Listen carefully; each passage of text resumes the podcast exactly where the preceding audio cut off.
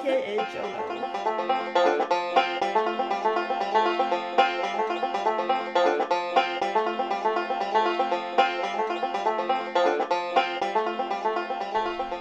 Nu spelar vi in. Nu spelar vi in.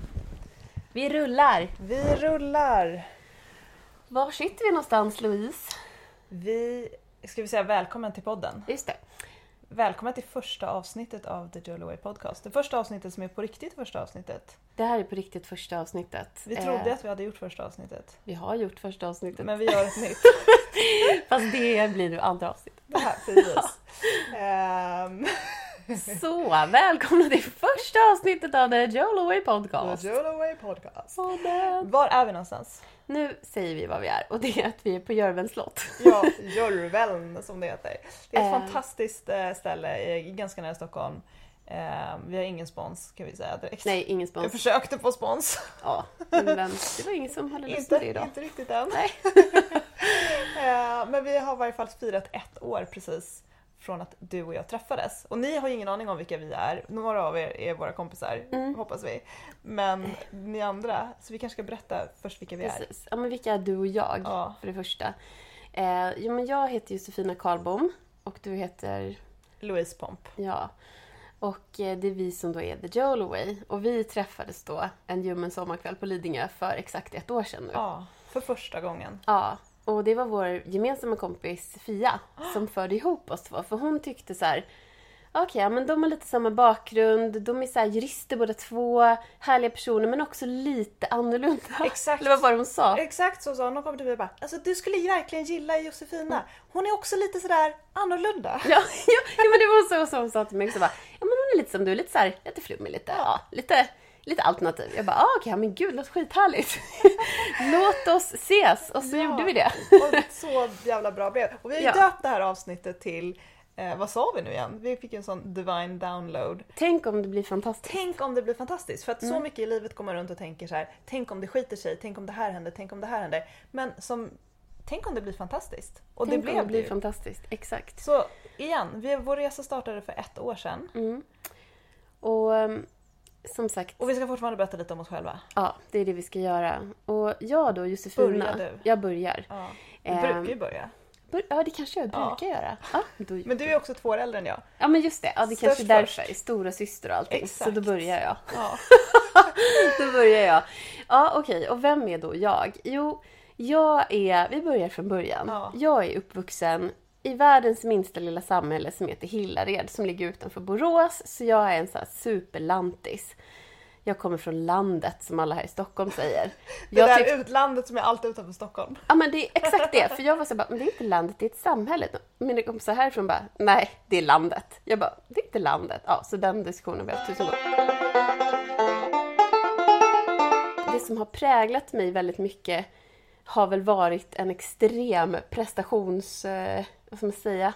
Jag har haft väldigt höga krav på mig själv och varit alltid en så här högpresterande person. Jag hade alltid bäst betyg av alla. Jag var alltid väldigt duktig i skolan. Prestationsjunkie. Eh, Men alltså verkligen, verkligen. En liten by. Och eh, så det, eh, det präglade min uppväxt väldigt mycket. Och samtidigt som jag var en otroligt så här, orolig själ och väldigt sökande redan som barn och hade väldigt mycket så här, tankar om livet och sådär. Men den sidan av mig liksom tonades ner mer och mer kan man ju säga under åren ju äldre jag blev. Men jag var väldigt, hade väldigt mycket så kontakt med universum och sånt där när jag var liten. Och var satt ofta i träden och pratade med olika djur. Och, mycket sådär. Men så där höll jag också på under tonåren. Typ höll på med tarotkort och Mm. Ja, mm. plockade växter, så medicinalväxter och Ja. torkade och gjorde brygder och sånt. Samma här, samma här. Men den sidan av en har man ju då fått tona ner Ja, ja, i det här ja. samhället som särskilt i. Sverige är så himla sekulariserat. Sena liksom- tonåren Mm. tänker jag. Exakt, exakt. Ehm, så att, så det handlade mycket om prestation och mycket om sådär Ja men gud vad ska man bli när man blir stor och det gäller att få och för mig det, i den familjen som jag växte upp i så handlade det väldigt mycket om att eh, att vara liksom, att utbilda sig på universitetet liksom. Det fanns inget alternativ till det egentligen.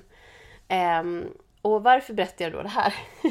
jo men det, är det, handlar, det är liksom mycket det där att eh, där vi är nu, det var verkligen inte där vi började om man säger Nej. så.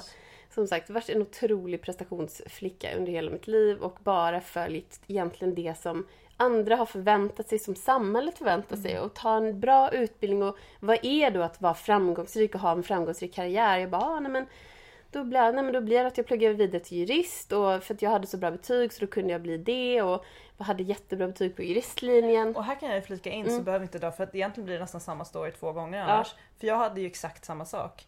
Alltså superkreativ, höll på med mycket med måleri och Mm. musik och ja, men du vet, satt och pysslade och donade och höll på med alla de här liksom, också lite sökande spirituella sakerna. Och sen mer och mer formades man in i den här, eller jag in i den här mallen av att vad förväntas en duktig Lidingö-flicka, jag kom från Lidingö utanför Ja. Stockholm, att göra? Jo, man ska få toppbetyg och sen kan man välja mellan att bli läkare, gå på Handels eller plugga juridik. Mm. I, I min värld var det ungefär de tre. Ja, Så det var lite så här, tänk, det fanns inget annat man kunde tänka sig. Jo, om du vill göra andra saker, typ läsa på Konstfack och sånt, det kan du göra sen.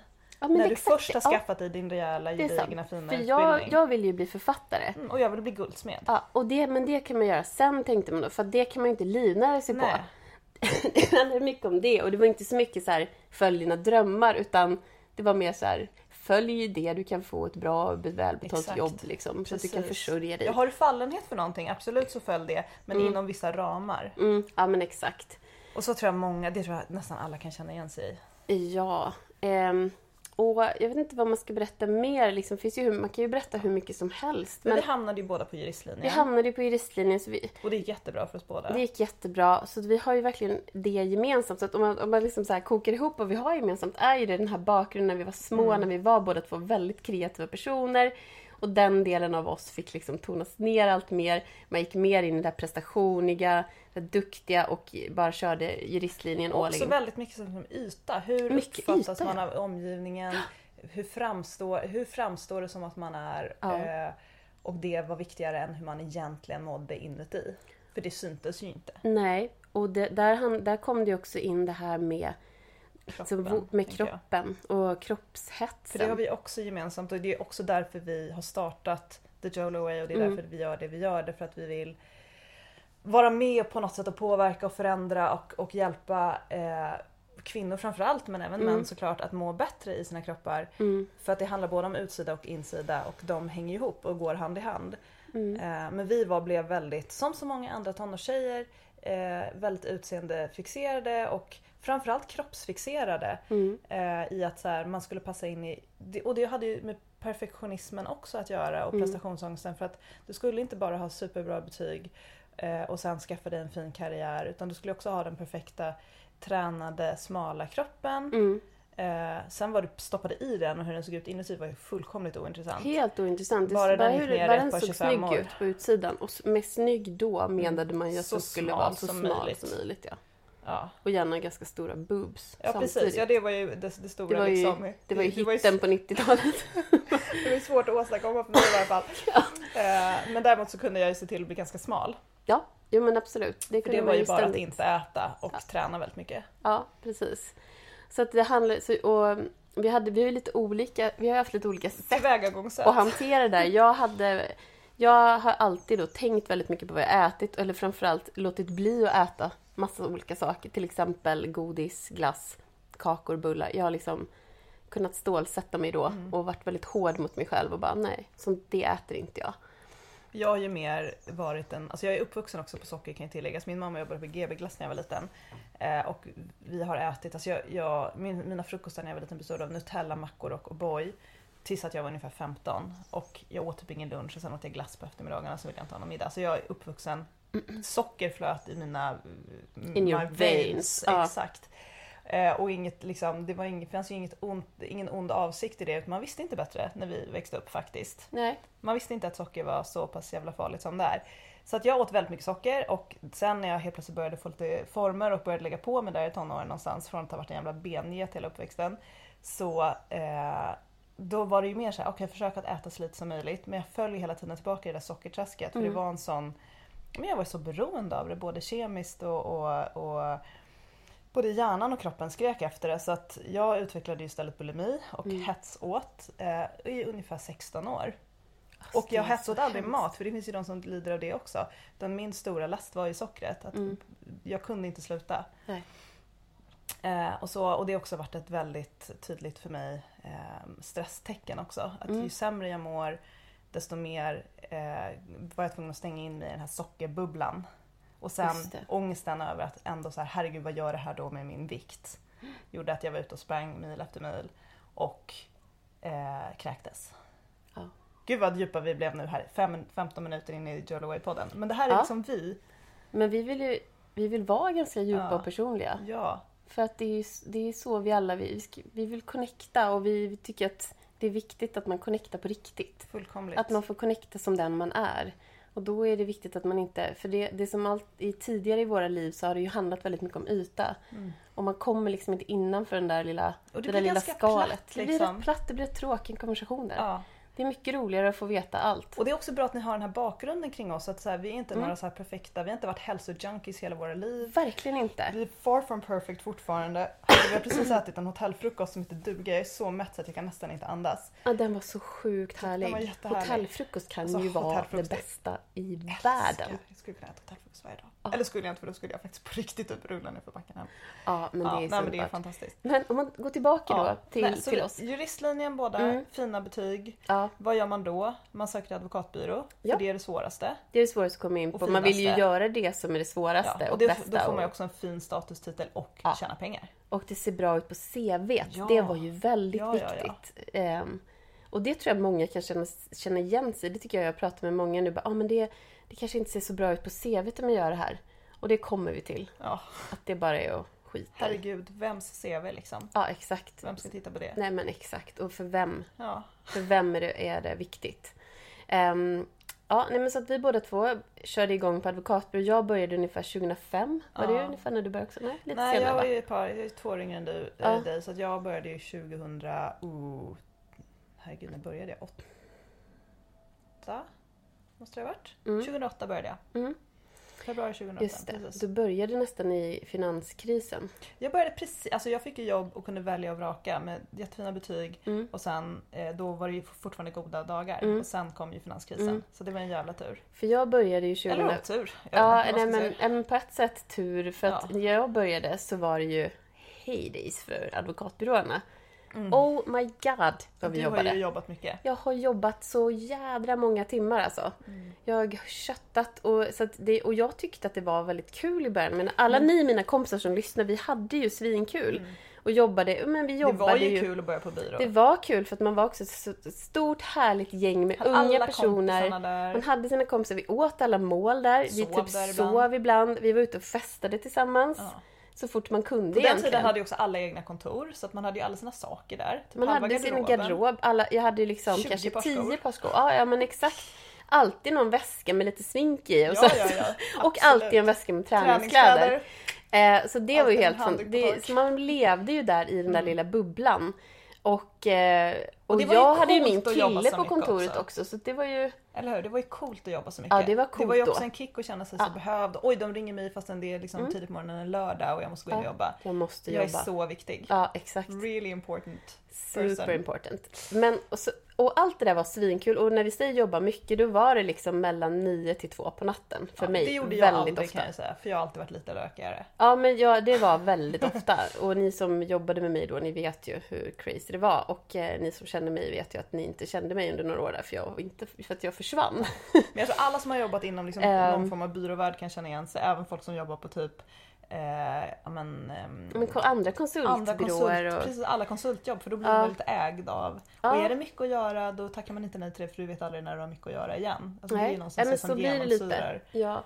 Så då levde man ju där och... Och här levde- fortsätter ju kroppshetsen. Ja men här fortsätter verkligen kroppshetsen. Men för mig så blev det då... Alltså jag kunde ju... Jag trän, du, du, du tränade ju som en galning. Jag tränade ju nästan ingenting för jag jobbade ju bara. Men jag åt ju heller inte så mycket och Nej. festade väldigt, väldigt mycket. Ja. Och det var ju det var ett Men helt du är ju också sån så att när du får liksom. jättemycket att göra och blir stressad så äter inte du. Nej men precis. Medan jag hetsäter ju när jag blir stressad. Ja, just det, så för mig helt det liksom olika- dubbelt hetsätning Mm. och hetsträning var ju min ångesthantering. Mm. Och jag kommer ihåg när jag pluggade inför advokatexamen. Mm. Och då satt jag ju på kontoret sent på kvällen efter arbetsdagen och pluggade inför det här hemska provet som jag gör för att bli advokat. Mm. Och bara moffade godis. För vi hade ju sån här Ja. mat på jobbet automat typ där man kunde gå ner och köpa ja, men typ bilar och Åh gud. alltså Ja. Och, så hade, och på den här tiden, alltså för typ 10-15 år sedan, alltså det var ju så mycket snask på kontoren. Nu är det ju lite bättre. Men alltså vi hade skåp bara fulla med kakor och läsk. Mm. Eh, och de här godismaskinerna. Mm. Och äh, men alltså, så att jag satt ju och tryckte socker och hade sån Ja. ångest. Vet du vad jag gjorde då? Nej. Jag rökte. Jag rökte. Jag gick och tog en cigg på plan 10 på Linklaters. Mitt i natten och kände mig skitcool. Och det här är alltså vi, det här är vi samma personer som ni ser på, på, på omslaget. På de här renlevnadsbilderna. Ja, som inte typ, ja men Jossan dricker inte, eh, du röker definitivt inte, jag röker aldrig, vi äter typ väldigt sunt. Ja. Men alltså vi har varit i träsket Ja men och gud ja. klafsat runt. Klafsat och druckit väldigt mycket vodka, Alltså så champagne, mycket shots. som man drack på den här tiden Ja. också. Hela plugget, Ja. de här åren ute. Gud Mm. för vi festade ju väldigt mycket också. ja, båda två har ju haft en riktig... Ja, man var ute och ja, men jag hade konstant minnesluckor. Mm. För att, och, alltså jag kommer ihåg så här studietid, man kunde dricka två flaskor vin innan vi gick ut. Ja, det är helt... Alltså på Helt den här lilla, lilla kroppen. Ja. Och så hade man tränat Ja, och inte ätit någon middag. nej. Och så drack man två flaskor billigt vitt vin. Ja, gud. Och rökte. Mm. Ja, det låter helt fantastiskt. Alltså, det är ett under att vi är här idag. ja, nej men Ja. tack kroppen Tack, för att du kroppen. pallade det här ändå. Ehm, Herregud. Ja. men, men som sagt, det var ju då jätteroliga år, Ja. de här första åren. Men det var också, jag hade otrolig prestationsångest. Ja. Det, den liksom höll nästan på att äta upp mig Ja, ju. nej, men alltså man hade sån ångest och så mycket IBS. Ja. Alltså magen. Magproblem. Och jag hade jättemycket, när jag tänker tillbaka, så jag, eftersom man liksom körde på så hårt och jobbade så hårt hela tiden, så ha, tänkt, jag liksom hade inte ens, tänkte inte på min kropp överhuvudtaget, men jag hade ju, jag hade liksom stora prickar, alltså jättemycket prickar i mitt ansikte som var som... som Jag sitter nu och tittar på Jossan som Mm. har typ porslinshy vill jag bara tillägga. Och det, så jag kan inte föreställa mig att du hade Nej men det var den. prickar på hela kinderna så här som jag liksom försökte, som man sminkade över. Men, och det blev bara så här, "Ah, ja men de bara är där. Det var Ja. inte så att jag bara, men det kanske är något som inte beror på. stämmer. Nej. Utan de bara var där. Och jag hade jättemycket magproblem, Ja, jättemycket huvudvärk. Ja. Ja, och sen plus då all den här ångesten. Och ångesten kan man ju säga, jag vet inte, ni som jobbar på advokatbyrå idag, jag hoppas inte ni har det likadant som vi hade det. Men det handlar ju väldigt mycket om att du får absolut inte göra fel. Nej, gud. Det är liksom en kultur, eller var i alla fall då en kultur av att liksom du gör bara inte fel, du sätter inte det här kommatecknet tänkte säga, fel. för det är inte bara så här, du får inte göra de stora fel, du får Nej. inte göra ett endast litet pluttfel. För då Nej. är du liksom dålig. Ja, och som Och ung... så får man aldrig höra att man är duktig. Nej, nej, nej, nej, utan det, man ska gärna tuktas, man ska gärna Ja. hållas nere lite så här. Liksom nästan att de, så, att man, så att man hela tiden har kämpaglöden. Ja, ja, ja. Helt sjukt. Bra så här manager, Och, men, managementsystem. och sen så matas man ju då hela tiden med ganska stadiga löneökningar för att Ja. ändå hålla och bonusar. Ja, om, du är duktig, om, du är duktig, om du, pall, om du håller, Mm. håller, om du pallar trycket, om du har ett visst antal timmar. Så det var liksom hela tiden Mm. hetsen på de här timmarna. Det hade ju inte jag några problem med de första åren eftersom det, vi hade, man hade ett överflöd av Jag tror jag har vad, fått vad det bonus fanns att ett göra. av 11 år. För att jag var inte någon timmar... Alltså Nej, stoppade nej men jag var ju tvärtom det. Jag hade ju timmar så räckte och blev över för fler personer än jag själv. Ja. Liksom. Men sen så kom ju min lilla krasch då. Det var ju bara tre år in i allt det här. Men det var inte så konstigt när man jobbade ibland. Jag jobbade ju dygnet runt ibland. Jag tror att den stora skillnaden var att du kom in några år innan. För jag kom Ja. ju nästan direkt, jag hann ju jobba typ ett halvår sen kom kraschen. För jag kraschade ju våren 2008. Ja. Och då blev jag sjukskriven på grund av... Du ut- kraschade precis före finanskrisen. Ja, så det var fortfarande mycket att göra då. ja. Men då blev jag sjukskriven på grund av utmattning. Och det var ganska Var det ovanligt då då. du åkte ambulans för Nej, panikångest? Det var Nej, senare. det var, det var mycket senare. Ja. Så då hade jag egentligen aldrig, jag aldrig haft panikångest då. Fast, eller jo, det hade jag nog haft fast jag inte fattat att det var det. Nej precis. Men då i alla fall Då gick så... du och tog en cigg istället. Ja, ja, ja. Eller ett glas vin kanske. Ja. Nej men så då, då eh, blev jag sjukskriven tack vare min, en av mina bästa vänner som bara nu, nu får du liksom, nu åker vi till läkare för du mår så jävla dåligt. Och det Ja. gjorde jag ju. Jag mådde, ja, det, var, det var att vi var uppe i fjällen och så skulle vi åka hem och så låste sig min rygg på vägen hem. Och, jag kun, och då var det som att jag bara började gråta. Det var som att någonting i min rygg bara satte igång de här tårarna. Mm. Och jag kunde inte sluta gråta på typ två dagar. Ah. Jag grät och grät. Jag kommer ihåg att vi satt på någon jag. restaurang på vägen hem från fjällen där. Och alla som satt runt, vi var ju ett stort gäng, Ja. alla bara Japp, här sitter hon och gråter. Jag kunde bara inte sluta gråta. Jag bara Ah, verkligen såhär supergrädd. Ja, ja. Men alltså Och det är så skönt. Och du det hade var- förmodligen så ja, mycket ja. gråt i Jag hade väldigt mycket gråt som behövde ut. Så det tog två dagar innan det Ja. var klart. Och sen kunde jag ju bara börja gråta i hur mycket som helst. Och min rygg var ju fortfarande helt låst. Och då så Karin, min kompis, hon bara, nej men det här. Och så gick jag till läkare och de bara, men herregud Men gick människa. du till läkaren framförallt då för ryggen trodde du? Först började jag med det och då gick jag till en massör bara och hon bara, nej men din rygg är helt låst, jag kan inte göra något, du måste gå till en naprapat, du måste Ja. göra något annat för det här är inte normalt, du börjar Nej. gråta igen.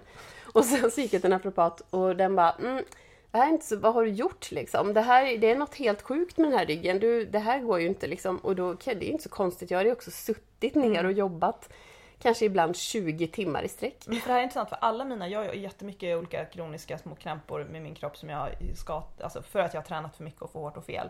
Och suttit konstigt i många, många, många timmar. För jag började också få problem med ryggen Mm. Ja. eh, här mitt i advokattiden någonstans. Och det är intressant att vi båda hamnade i vår, på vår liksom, ta hand om vårt inre resa genom Ja. våra yttre symptom. För jag gick ju också till, jag har varit hos så många sjukgymnaster och olika människor, men en- en av de första som när jag hade ont i, mm, ah, skitsamma, en hamstring. Men jag kommer dit och jag är svinförbannad för att han var typ fem minuter sen. För jag gick ju dit på en tickande advokatklocka. Mm. Och bara, det här kostar mig så här typ så här många hundralappar att jag Mm. väntat här i fem minuter. Och vi hade ju bestämt den här tiden och varför är du försenad? Och han var så här, vad stressad du är. Ta det lugnt. Ungefär. Och jag var så jävla provocerad och du vet Mm. man trippade fram i sina små klackar och bara och du vet, då på något sätt så här, att jag började sätta ord på att så här, vänta nu, kan det vara så att alla de här, allt det här onda i din kropp har att göra med den här sjuka stressnivån som du lever i? Mm. Eh, det var nästan första så här, startskottet. Ja, ja. Men det var långt innan jag också hamnade i någon sjukskrivning. Men Men det är också, det är så konstigt att man inte då... kunde man inte ha kommit till någon för... Men det var väl någon sorts mognad i det också? Att inte förstå. det. Och att man, för man lyssnar ju inte på sin kropp Och att överhuvudtaget. vi kommer ju båda från en, från någon sorts här kultur där Mm. det, jag menar definitivt, min pappa är militär Mm. och så här, man går inte till doktorn i onödan utan då tar man typ en Alvedon och går och lägger sig. Ja, men det så har ju verkligen, alltså om om jag, jag vet att jag pratade med min mamma någon gång sen när jag hade, då hade jag någon så här panikångest någon natt. Jag, hade, jag har ju haft mycket sådana issues. och då var jag väl typ och pluggade på juristlinjen och när jag också hade väldigt mycket prestationsångest och Mm. hade väl någon ångest någon natt där. Och hon bara, ja men om jag, om jag mår lite dåligt, ja men då går jag ut och går en promenad. Och om jag känner att jag inte kan andas, då går jag ut och så bara andas jag. Och sen går man och lägger sig, sen är det bra nästa morgon. Jag bara, okej. Tack mamma, Då gör vi så. då gör jag så. Jag biter ihop. Så det är liksom inte, det är, men jag tror att det är en generationsfråga. Jag tror att det är för jag, alltså, att man, det är verkligen Vår no... generation och den generation som kommer är ju helt mycket bättre på att Men så här, vi har det ju så mycket lyxigare. För jag menar min mamma, det fanns liksom inte för henne att hon kunde Nej. ta och söka hjälp. Och så, man gjorde ju inte det då. Så att, Men det var inte lika accepterat och Det var psykisk inte det. ohälsa. Men det är ju fortfarande, fortfarande liksom skambelagt etc. Ja. Men Det börjar ju verkligen komma upp nu som någonting som man kan prata om och, Mm. Och som är som att ha ont i halsen. Liksom. Du kan gå och få ja, hjälp det är med så det. himla skönt att Det det, är har blivit mer så. Ja. Men, eh, Men i alla fall då när jag blev, sen så då blev jag ju sjukskriven när läkaren men herregud människa, eh, vad håller du på med? Så då blev jag, och jag kommer inte ihåg, sen är det liksom lite blank för mig. Jag minns inte så mycket, för jag minns att jag, jag sov väldigt mycket och mådde sjukt dåligt psykiskt. men det där är klassisk utbrändhetstecken också. För jag, så, jag typ sov, ja, och jag, och min kille som jag hade då, han var liksom på secondment, så han var inte hemma, så jag var helt själv också. Och det kanske var bra på ett sätt.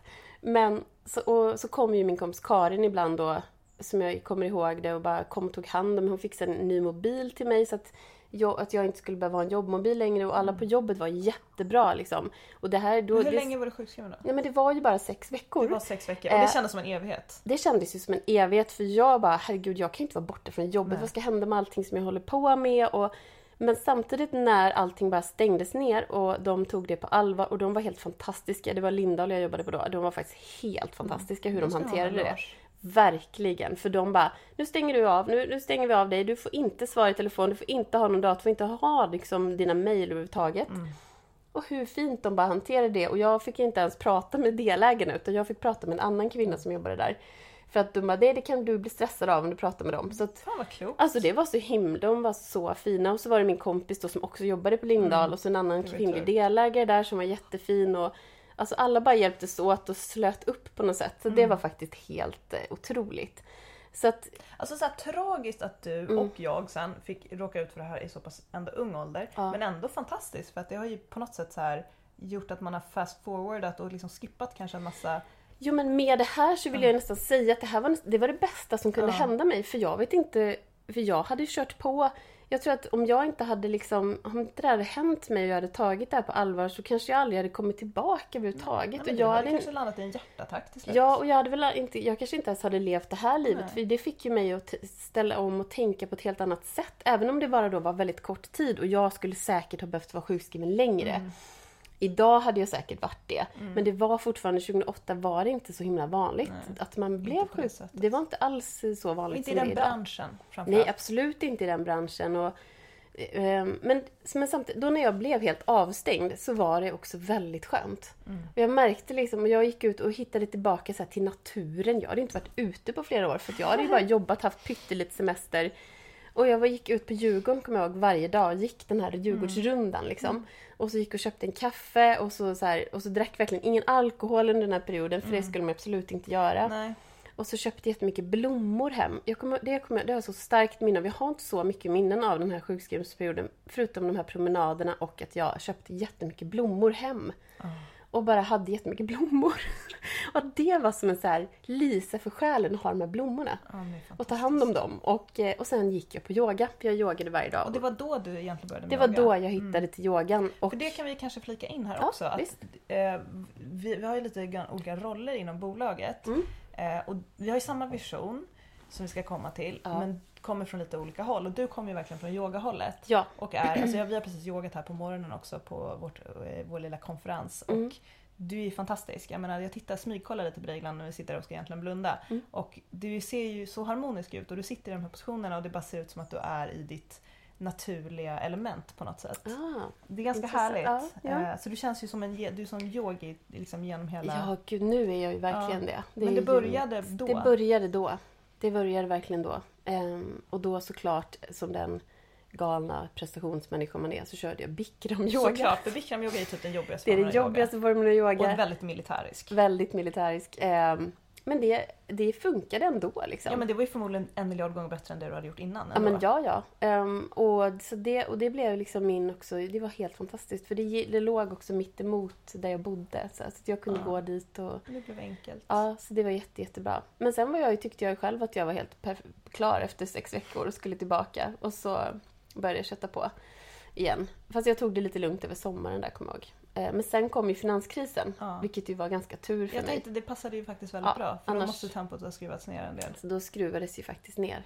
Men kan inte du berätta om, för att jag tänker att det är också jätteintressant att höra om din liksom resa kring det här med att bli sjukskriven och sådär. Ja, och jag menar för min del tror jag det handlade om jag var ju också liksom i advokatbyråbranschen men jag kom in lite senare så jag kom aldrig in i det där riktigt lika galna jobbandet som jag trodde. Nej. Och det var nog enbart timingmässigt. Hade jag kommit in samma tid så hade jag nog också varit en sån som hade suttit Jag tror också. halva dygnet. Sen å andra sidan har jag alltid prioriterat träning så jag gick ju alltid och Mm. tränade vid så typ halv fem.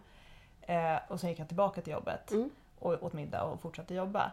Men i träningen har jag alltid funnits där och då kan man säga att ja, men det är härligt och bra att röra på sig men för mig var det ju verkligen en ångestlindrare och någonting som gjorde att jag kände att jag hade kontroll över kroppen.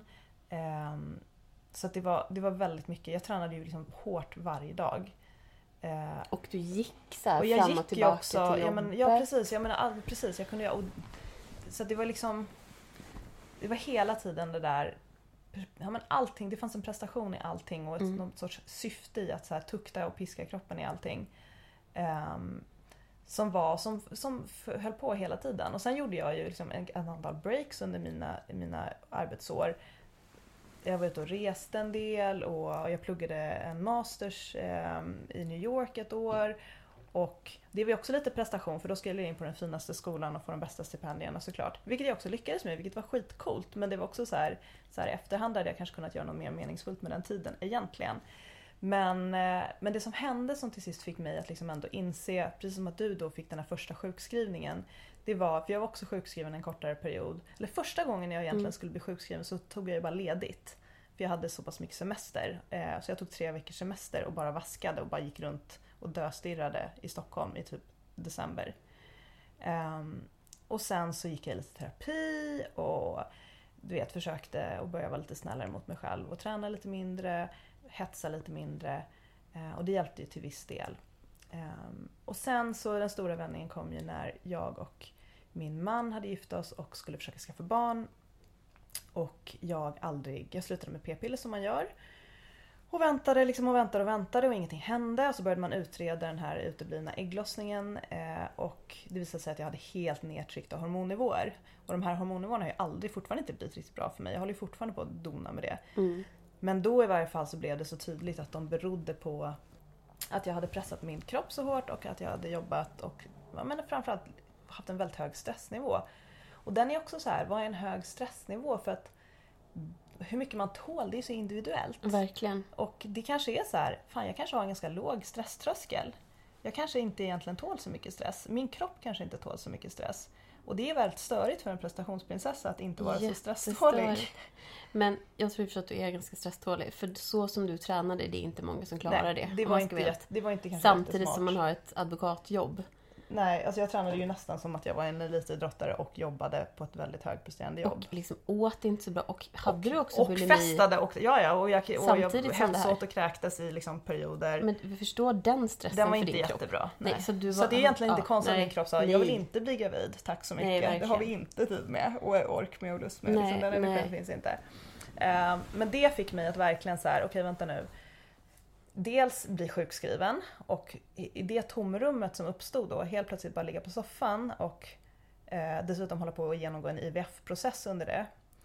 Det var ju, det hormonella påslaget gjorde att man, jag blev jättedeprimerad och sen hela situationen och, och att stanna upp i allt det här. Vänta vad fan, vad lever jag för liv? Vad är det jag gör? Vad vill jag göra? Herregud. Och man kände sig så, jag kände mig som, ja men man kände sig så inlåst. Mm. För att, och vi hade ju skapat den här egentligen buren åt oss själva Mm. i det livet vi levde då. Men vi Ja. kände ju också att det inte fanns något annat val på något sätt. Ja, det har du verkligen Konstigt rätt i. Det är så konstigt att man kände sig, nej men nu Nu har, vi har jag valt det här. valt det här. Så nu, nu blev det ju det här jag får göra. För jag satt, jag vet att jag satt på, på Lindahl, för jag bytte ju från Linkletter till Lindahl. Och så satt jag där och bara, men jag kanske, jag, egentligen vill jag vara en modedesigner. Det var jag väldigt inne på ett tag. Ja, Och så, här, så gick någon kurs på Tillskärakademin och sådär. det gjorde jag också. Men ändå var det hela tiden så här, fast det kan jag ju liksom inte göra. Det är inte Alltså, på riktigt. det det var så nej. ingrained igen från början att här, Jag måste ju ändå jobba som jobb. jurist. Jag liksom, för jag har ju försörja mig. valt det nu. Ja. Så nu får jag stå mitt kast. Ungefär så var det ju. Så bara, ha, och så Mm. kände man nästan sig lite deprimerad över det. Ja. Jag kommer ihåg att, Att jag har valt fel. fan att jag valde fel. Det var ju typiskt. Exakt! Och då, alltså, vi pratade Ja. att vi var ju typ så här 28-30 vid det här. Men det, alltså. ja, exakt. Och då så här, hallå. Du kan liksom, Du kan byta när du du, kan vill. byta när du vill. Du kan vara 60 Ja. år och byta. Och Det är så konstigt när att man man... väl inser det så ja, bara, då blir man nu. så fri. Ja! Alltså då blir man så fri så man vill flyga. Ja, och det var ju typ lite det vi gjorde också. Ja men det var ju det vi Precis. gjorde. Ja, alltså Ja. gud ja. För att bara Men nu måste vi hoppa hela- tillbaka till din eh, Ja men vi IVF. gjorde IVF, och, eh, det var vidrigt och jag var så deprimerad. Jag var sjukskriven i typ 4-5 månader eller någonting. ja. Eh, Men sen blev vi gravida, Yay. vilket är ganska geschwint ändå med IVF i, i, sådär, i en retrospect. Men när man var mitt i det, och det vet alla som har genomgått en IVF, att oavsett hur kroppen reagerar och hur man dåligt man mår av hormonerna, för det varierar, så är det ju en, en vidrig process att hålla på med. Men jag har Och verkligen ju förstått att det, jag har ju flera kompisar som har gått Ja. igenom det och det verkar jätte, jättejobbigt. Det är, det är vidrigt. Mm. Mentalt och fysiskt vidrigt. Eh, och känslomässigt på alla sätt och vis. Men vi blev gravida och jag tror att det delvis berodde på att jag då var sjukskriven, stannade upp, vilade, typ drog ner träningen till nästan noll. Du vet, jag var ute och Mm. gick promenader. Men var det typ första gången i ditt liv som du drog ner träningen så? Från att jag hade börjat, för jag var inte intresserad av träning när jag var liten liksom, utan det var ju någonting jag började med som viktkontroll under här, när jag var 15-16 år. Ja men Och sen... sen dess hade, ja gud ja, jag Ja. hade aldrig haft något uppehåll. Nej. Men helt plötsligt så började jag då, ja, men jag var ute och gick för att jag behövde få liksom, luft och syre och sol varje dag eller ljus. Mm. Eh, men jag tränade ju typ nästan ingenting. Så började jag träna lite på slutet när jag mådde bättre, fortfarande Mm. under IVFen. Så jag var tillbaka på gym, men då kom jag ihåg att jag började med yoga och pilates. Mm. Mycket lugnare från att ha kört bara crossfit, kettlebells, Mm. boxning, väldigt hardcore träning. Mm, mm. Till den här väldigt mycket så här mer lugna Mjukare. som fortfarande liksom är muskelbyggande och Mm. jättebra på alla sätt och vis för, för kroppen också. Men, men det var ett helt annat fokus. Mm. Eh, och jag började dricka mina liksom gröna smoothies, jag började fundera på så här, vänta nu, det kanske inte är så bra att leva på proteinbars och shakes. Eh, och bara tänka att jag måste få i mig protein. Och ja, men det var ju typ det som mitt mål var, för att äta så Mhm. mycket protein som Mm. möjligt. Och visst grönsaker, men det var liksom att äta kolhydrater var ju liksom out of the fucking question. Mm. Du vet, ge mig en potatis, jag hade typ sprungit bort från dig. Mm. Eh, så att helt plötsligt började jag förstå, liksom, vänta nu, jag måste ge min kropp näring, den behöver omvårdnad, den behöver känna sig älskad, trygg, lugn. Eh, jag måste bara boosta den så Mm. mycket som möjligt När i tiden var det här då? Det Ungefär här är alltså, eh, måste ju vara då 2015 Ja, kanske? just det. Någonstans där, så Mm. säg 5-6 år sedan. Mm. Ehm, 2014 skulle Mm. jag säga. Mm. Och sen föddes Douglas, jag var mammaledig och eh, gjorde världens längsta mammaledighet och fortsatte i den här, på det här sättet att bara ja, men leva ett helt annat liv. Och jag menar, Mm. det var ju som eh, alla mina magproblem försvann. Mm. Ehm, och det roliga är ju då, så här, okej, vad händer när man helt plötsligt skruvar ner träningen från att ha varit ett superhårt tränande Mm. och skruvar ner alla de där grejerna och börjar äta saker som jag aldrig skulle ha ätit innan. Eh, det var inte så att jag gick upp i vikt.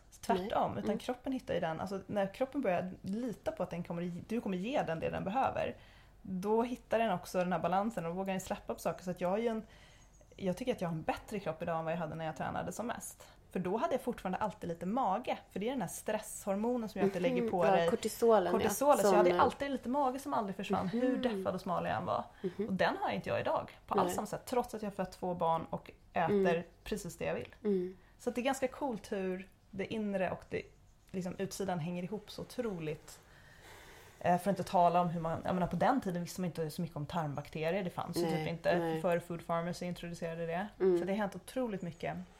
Så men Ja. det här blev verkligen, det var ju som att gå från natt till dag för mig Mm. hälsomässigt. Mm. Eh, och idag, jag menar visst jag tränar fortfarande ganska hårt och ganska mycket men inte alls på det där ångestdrivna, Nej. piskande sättet utan det här är ju liksom energigivande, glädjefullt. Det är någonting som jag älskar. Ja, men ja, det är en helt annan grej då. Jag menar på den tiden när vi båda jobbade och du vet man var ute på helgerna och var skitpackad och jättebakis och ändå var ute och sprang en och en halv mil på söndagen. Ja, det gjorde som ju inte jag. Det gjorde kan jag jag inte för att jag hade sån ångest. Ja. Jag hade sån jävla bakfull Ja, ångest. nej, men då gick väl jag åt någon pizza eller något. Ja, men jag hade ju också ätit typ en pizza på vägen Ja. och en stor påse lösgodis och Ja. typ somnat med den i sängen. Ja, Så att det enda sättet att bli av med den ångesten var ju att gå ut och ja springa. då sprang du. Ja, jag vet inte vad jag gjorde för att bli av med ångesten. Jag tror jag bara hade den. Du bara hade den. Ja. Ja. Ehm, Men om man ska tänka då, en- en annan grej som vi också då verkligen hade gemensamt var ju, som ni ju hör, att juristyrket var väl inte liksom det som var vårt kall. Det kändes ju aldrig så. Vi var ju där av fel anledning. Vi var där av fel anledning. Det var inte vi... Alltså, det är inget vi fel på juristbranschen, det är Alltså som passar verkligen inte. Och jag har jättemånga vänner som älskar sitt Ja. jobb och, som, och där det är deras kall. Ja.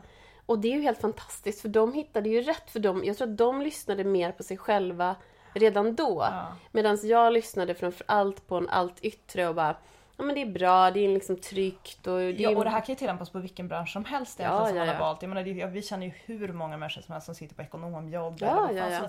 Men ofta är det, om man ska generalisera, kanske den typen av jobb som är liksom, ja, men ganska generella när du har pluggat ekonomi eller juridik eller vad det är Mm. och du slussas du in i den här slaskträtten och att du inte kanske tänker så mycket själv vad du faktiskt genuint vill göra utan att du gör Nej. det så på något sätt som antingen förväntas av dig eller det Mm. som alla andra gör.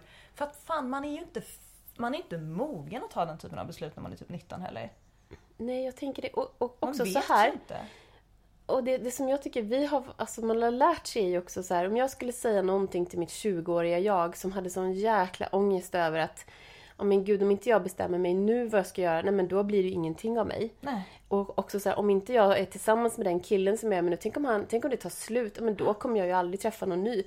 Skit, Och här kommer vi tillbaka insikt. till, Alltså till egentligen rubriken eller temat för den tänk här. om. Tänk om. Tänk om det går åt helvete. Vi var ju så rädslostyrda. Men så Allting det. tänk om det skiter sig, tänk om jag ångrar mig, tänk om jag missar det här, tänk om jag inte får den Mm. Tänk här. om jag inte får högsta betyg på den Ja. här tentan. Tänk om jag inte får något jobb. Tänk om jag blir av med jobbet. Tänk om jag inte är bäst av alla på jobbet. Ja. Tänk, om jag, tänk om jag gjort fel Ja. på jobbet. Alltså, alla såna här, och tänk om, och då, ja, bla bla bla. Och så bara Tänk om, går tänk om det, det är alltid Ja. det värsta som händer, det värsta som kan hända, det värsta som kan hända. Och det Och kan man ju spinna vidare på i, i oändlighet. Ja. Vad händer om man hela tiden fokar på det värsta som kan hända? Mm. Ja, det är ju Det jävla är mycket mer sannolikt. det är ett helt det är ett helt annat avsnitt. avsnitt. Men, så vi, fan man vänder på det. För tänk om det, tänk om det mest fantastiska händer. Tänk om det blir fantastiskt. Tänk om det blir fantastiskt. Tänk om det här blir så Helt rätt. jävla kul. Tänk om det här blir succé. Ja. Om man hela tiden ser det på det sättet, man vänder på det och försöker se saker positivt. Och det, det tar ganska mycket, alltså det, det, det, Det tar ett tag att sätt att komma lära dit. om. För det är inte För det man- vi får lära oss när vi är små. Nej, alltså det, Vi vi är väldigt risk...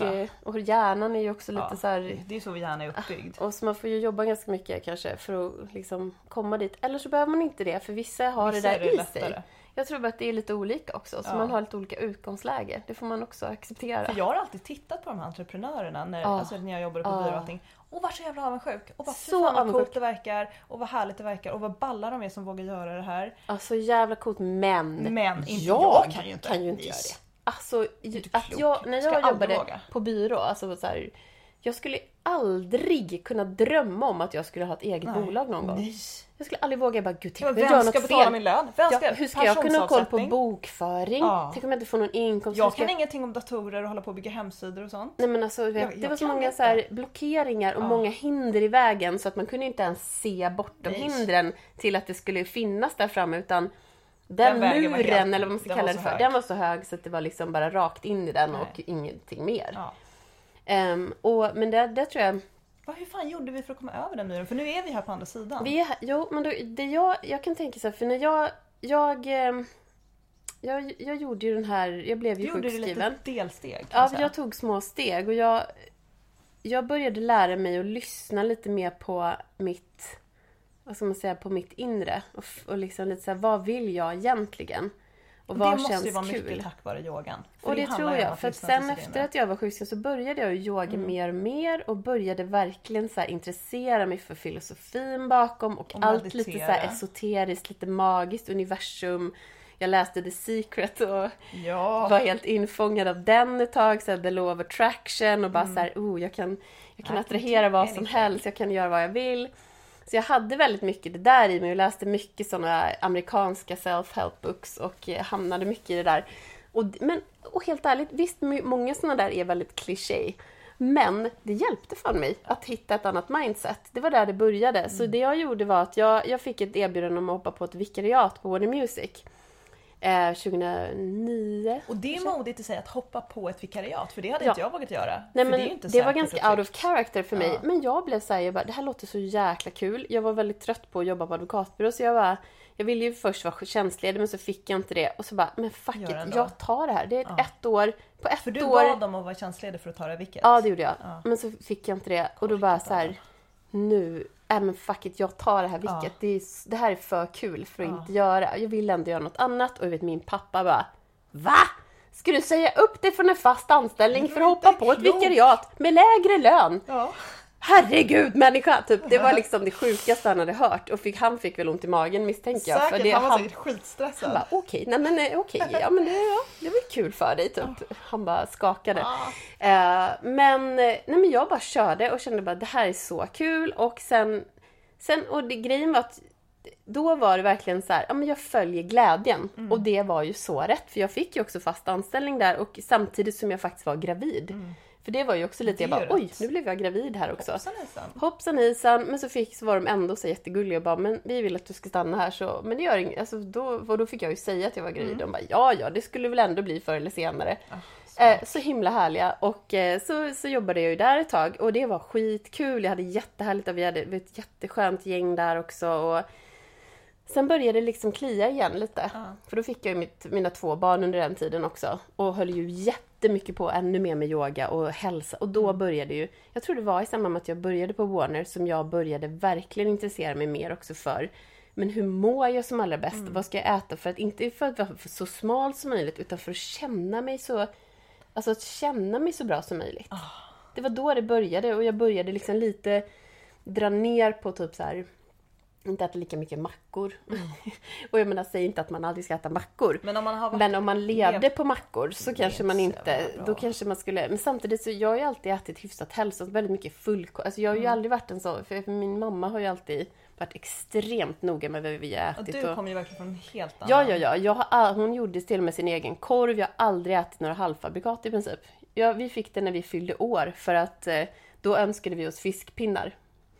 Och eh, Det då fick vi fiskpinnar. Men annars så var det ju liksom aldrig något annat än hemlagat från grunden och ingen ketchup och liksom inte något... Så det är, det är rätt intressant också för alla som har barn. För att jag menar jag kommer ju från raka motsatsen. Mm. Med en mamma som så här, Vi har aldrig varit överviktiga någon i vår familj så att de har väl tänkt att det är ingen fara. Det är bara man borstar tänderna. Mm. Men vi har liksom levt på socker. Och ätit bra mat, absolut. Eh, inte så mycket snabbmat sånt men vi har ätit väldigt mycket sötsaker i tillägg. Mm. Medan du har ju då inte gjort det. Nej. Och vi har ju ändå blivit, har fått nästan exakt samma typ av, vi har haft lite olika stories för att nå dit men vi har ändå landat i det här samma tänk kring Mm. Ja, maten. Mm. Så att, vad vill jag säga med det? Typ, det är inte kört och jag tror att... Nej, exakt. Ah, nej men det är väl aldrig, det är aldrig kört för någon, jag vet inte vad jag säger. Men att det, man kan komma från helt olika startpunkter. Egentligen. Ja.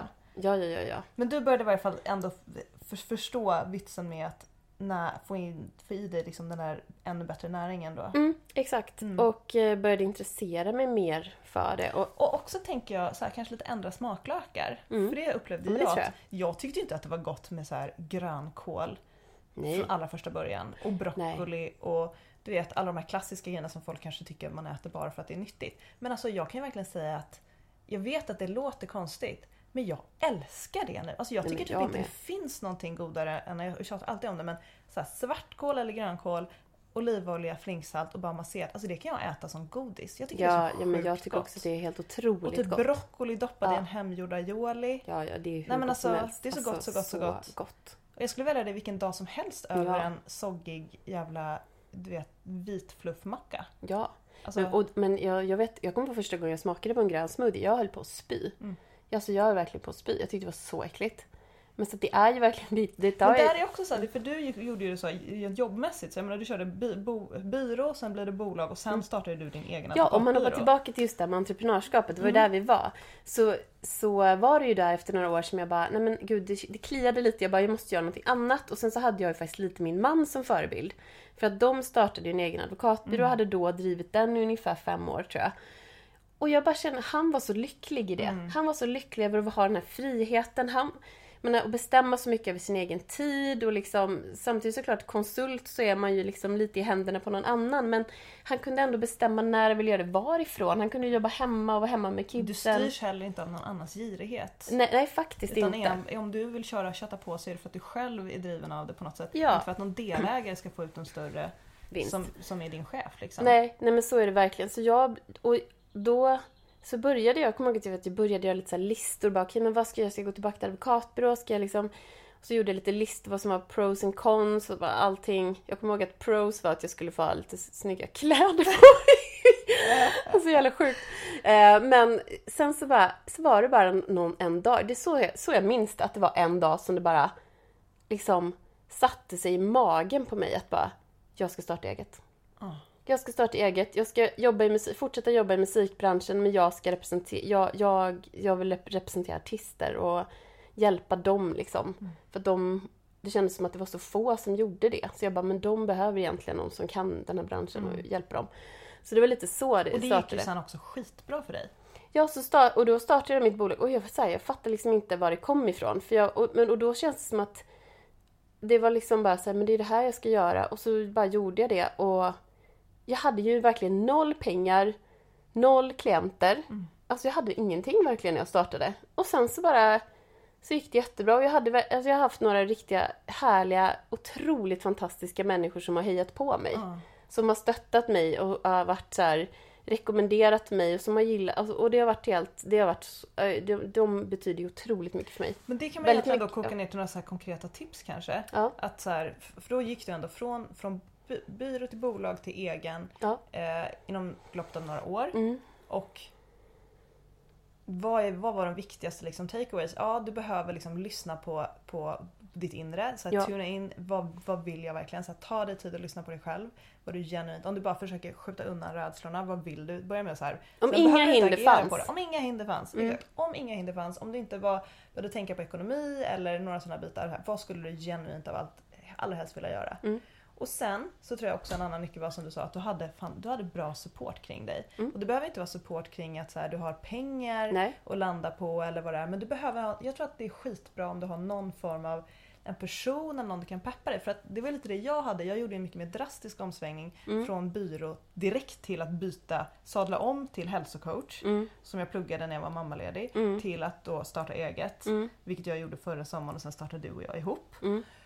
Och jag hade ju en psykolog som hjälpte mig, Mm. med, som höll mig i handen och som hela tiden var support och bollplank och var också det där, men, men så här, vad är det värsta som kan hända? I och för Mm. sig, liksom, vad är det värsta som kan hända? Men också avdramatisera det. Och hur liksom, kan du leva? Vad har du för, vad har du för buffert liksom, rent praktiskt? Kan du få det här att funka? Kan du testa ett tag? Mm. Du vet, så här, bara testa grejer på en. Mm. Men att ha liksom, ett bollplank, en supportperson, Mm. folk som tror på dig och som hejar på dig. Mm. Och det är helt... Och våga testa. Ja, men våga testa. För det är lite den här, vad är det värsta som kan hända?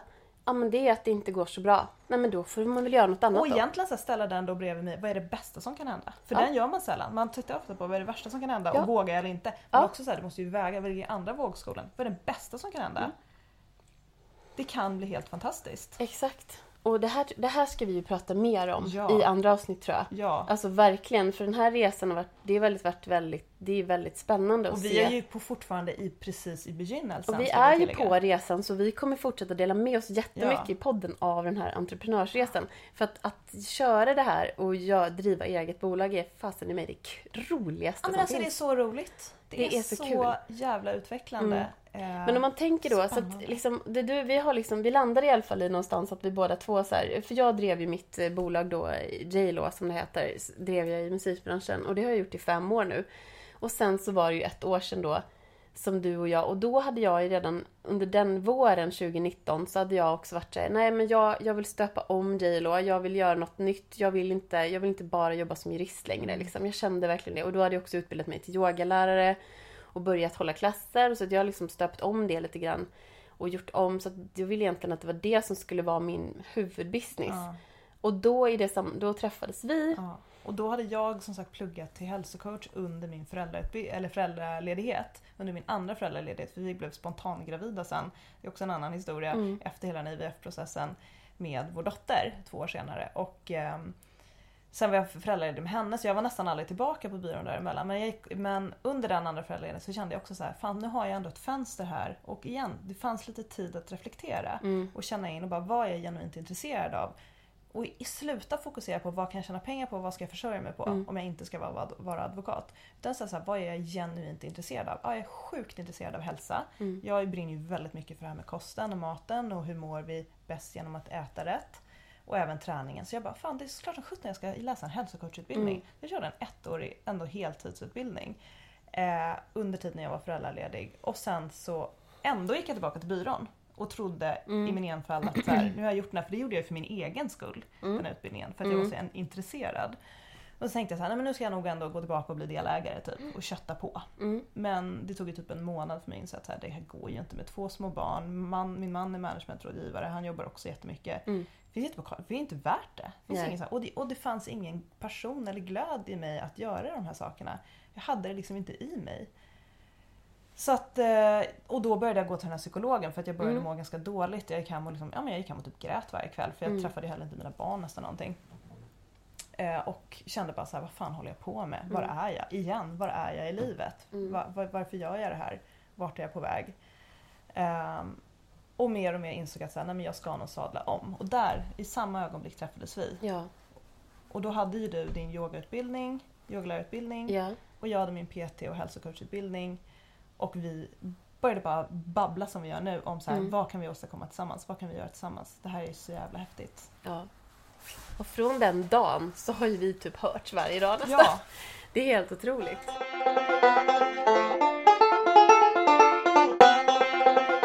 Jag ville bara backa också och säga, för jag tror att jag missade kanske lite att förklara liksom att jag gick från att vara ganska så ångestdriven ja, till att, att vara så öppen och bara våga hoppa på grejer. Det handlar ju också mycket om all den yogan och ja. meditationen Men och det, till det, det är skitbra. att den, det, den, det jobbet jag gjorde Ja. med mig själv faktiskt. Ja, Det hade jag ju aldrig gjort om jag inte hade, hade haft den, all den practicen i ryggen. ja, För jag, jag var väldigt liksom, var, hade väldigt mycket det här, de här rädslorna och verkligen, apropå det här med tänk om.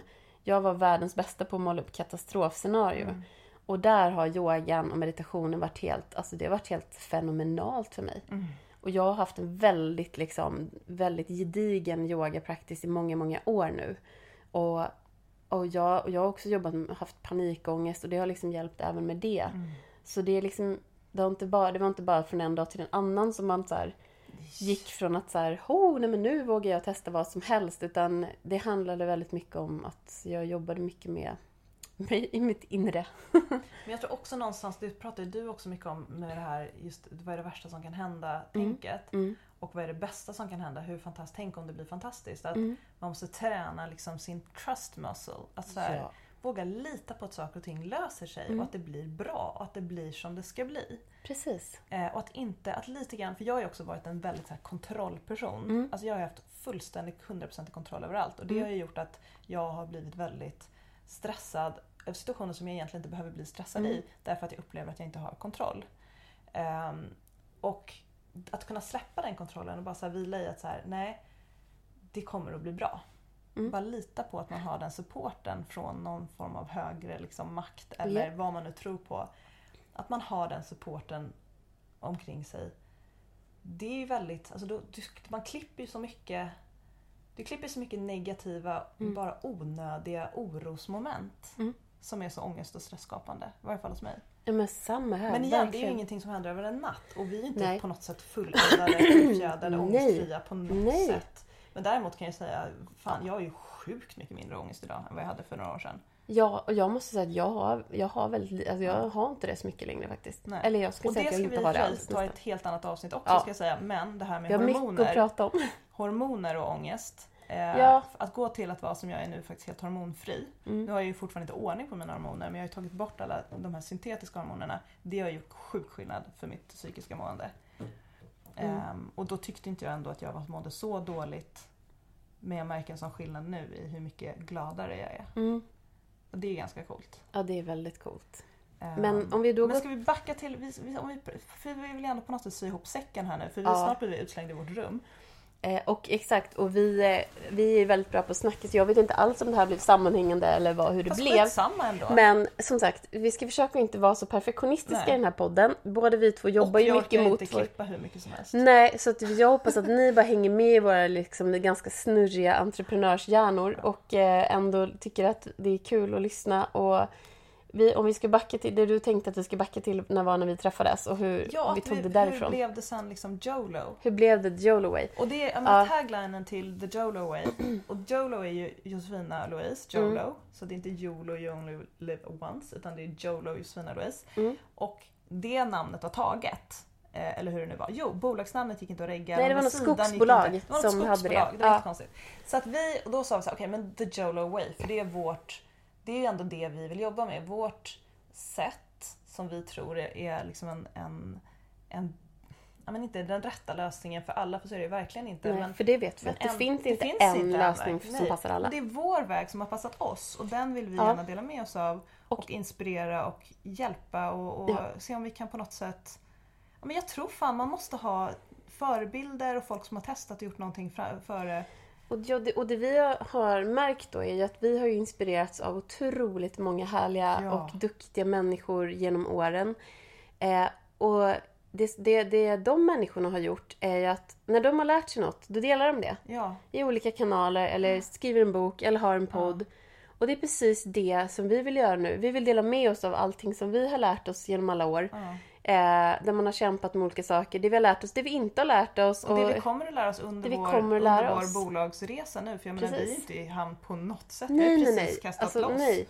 Och det, Vi kommer gå, gå på så jävla mycket grejer Ja. som vi kommer lära oss massor Och vi kommer av. inte vara konsekventa. Nej. För att ibland så känner man så här, ibland, Ja. ibland är jag vegan och ibland är jag inte vegan och ibland tar jag en fisk. Och det har vi märkt under det här första året också som vi Ja. har kört att vi, vi halkar ibland in på det där gamla eh, fyrkantiga Ja. karriär-prestationsspåret i att så här, okej men vänta nu, det här blir bra för det här kan vi typ så börja få in inkomst på, eller det här, det här är ett bra spår. Mm. Men så bara vänta nu, stopp och belägg, vad är det här? Vi var ju överens om att vi skulle göra det som känns bra i magen. Mm. Och, men ett tag, vi kan ju köra på oss bara, "Ah, med skygglappar och bara det här blir jättebra och sen så går man in i sin så här, nästan sin gamla konsultroll. Mm. Och sen så där, och vi ska inte prata om Corona i det här avsnittet men det blev ju en grann, på sätt och vis var det en, en, någonting som gjorde att vi väcktes lite grann. Ja. Vi var på väg lite åt fel håll. Verkligen. Men vet du vad jag tänker? Nej. Jag tänker att det här får vara en liten cliffhanger till Ja, nästa avsnitt. Ja. Där vi berättar lite mer. Nu har vi snackat lite om oss själva och hur vi hamnade där vi Nästa hamnade. avsnitt kan vi berätta lite mer om hur vi tänker kring Jolo. Ja, exakt. För att då kommer The Joloways lilla resa. Men nu har ni fått lite en, in, en inblick i våra liv i varje fall. Ja. Vilka vi är och vår bakgrund och Ja. var vi var för fem, Ja. tio år sedan. Och det vi vill förmedla kanske med det här är ju verkligen säga att, ja men okej, vilka, vilka är vi? Nej men vi är ju inte två stycken hälsopersoner som har varit liksom, som har bara jobbat med hälsa hela våra liv. Tvärt, Eh, tvärtom. utan vi har liksom hamnat och jobbat med hälsa för att vi har levt helt andra, andra Ja. liv. Och vi vill dela med oss av det vi har vi har lärt liksom varit oss. sjukt ohälsosamma. Ja men verkligen. Vi har haft helt andra roller. Och vi har, och det vi också har är ju att vi har fått med oss ändå att vi också har fått se hur det funkar i affärslivet väldigt Mm. mycket. Och hur, hur väl, hur, och där kan vi båda två känna bara åh vad, vi, om man skulle vilja gå in där och bara liksom hjälpa Möblera till lite, möblera om lite, bara greja lite för att få så att alla skulle må mycket bättre. Och Ja. jag, alltså jag känner så starkt att det skulle bli så mycket najsare att jobba som konsult eller bara Ja, ja, ja. om alla bara fick må lite bättre, om, alla, om, förut, om vi hjälpte, hjälptes åt att ta hand om vår hälsa och Mm. ta hand om vår återhämtning och se. Jag tror att det skulle liksom revolutionera världen om alla jobbade sen med det. är det också, också ett helt annat avsnitt. Så här, hur, fan, hur tänker man från liksom politiskt håll kring hur vi jobbar Mm. eller inte jobbar för att folk ska må bra på riktigt? Hur, varför sätter vi bara plåster på symptom? Ja, alltså, ja. Utbrändhet, Ja. sjukskrivning, allt det är alltså, du vet, det och igen, det är ett helt annat avsnitt. Men där vill vi också, jag menar, vi vill ju någonstans kunna göra vår lilla sak för att påverka. Det vill vi. Och där kan vi ju säga att vi är exempel på att en, alltså det här med att man kan gå ut och vara aktivist och att man kan börja hjälpa andra. Det måste ju någonstans börja med att du mår bra själv. Ja. Att du har liksom tagit hand om dig själv först. Det finns ju ingen buffert att gå ut och hjälpa världen om Nej. du mår skit. Liksom. Om du mår skitdåligt. För du har inte den, man har inte den kapaciteten. Ja, Du det är så här den- behovstrappan liksom. Först Exakt. när du befinner dig på ett ganska, när du har saker och ett ting. ganska högt steg är ganska egentligen. högt steg Ja. att börja gå ut och hjälpa andra. Och det är dit som vi vill och att vi, vårt stora slutmål är på något sätt en mer hållbar och härlig värld. Liksom. Absolut. Mer kärleksfull Ja men det värld. måste ju vara, jag menar till våra barn och till alla andra. Och Mm. det är på något sätt så här, annars kan vi skita i hur vi mår och hur mycket jävla chips och glass vi äter och hur mycket vi röker. Mm. Alltså om världen går åt pipan. Mm, Om man ska hårdra det. ja, faktiskt. Det är ganska ointressant då. Ja. Ja, Men vi ska avsluta nu. vi ska avsluta för snart, nu måste vi packa ihop. Just det, vi Och måste fortsätta backa vår konferens. Just vår det. ettårskonferens. Ja, men så vi säger tack för oss för det här, den här veckan. Ja. Och eh, vi hörs och ses igen nästa vecka. Och nästa vecka, visst blir det en seriös vi, alltså, inte för att det här inte var seriöst men nästa Vi vecka är så blir jävla oseriösa. Vi är så jävla oseriösa. Nej men nästa vecka så får ni vår, vår första intervju. Ja, för vi kommer inte bara sitta här och snacka Nej. utan vi kommer ju snacka med eh, Typ- väldigt mycket experter. Typ varannan vecka så kommer det bli en expertintervju. Exakt, och ibland kan det komma två avsnitt per vecka för vi Ja. jobbar inte riktigt med konsekvens här utan Nej, vi bara vi kör. går lite på magkänsla. Ja, och då, men nästa vecka kommer Henrik Ernhardt. Och han är ju, om ni inte läs på vet jag, läs Ja. hans artiklar. Han skriver Google för Svenskan. him. Google him. Han har gjort mycket fantastiska saker och Mm. är också en väldigt mysig, Otroligt Du- generös och Ja. trevlig person. jättehärlig. Så kom, lyssna nästa vecka. Då pratar Henrik Ernhardt om åldrande. Åldrande. Ja. Och eh, stay tuned för nästa avsnitt med oss också. Ja, Där vi snackar lite mer om The Jolaway. Ha det bra Ha det bra, allihopa. tack hej! Hej! Puss puss!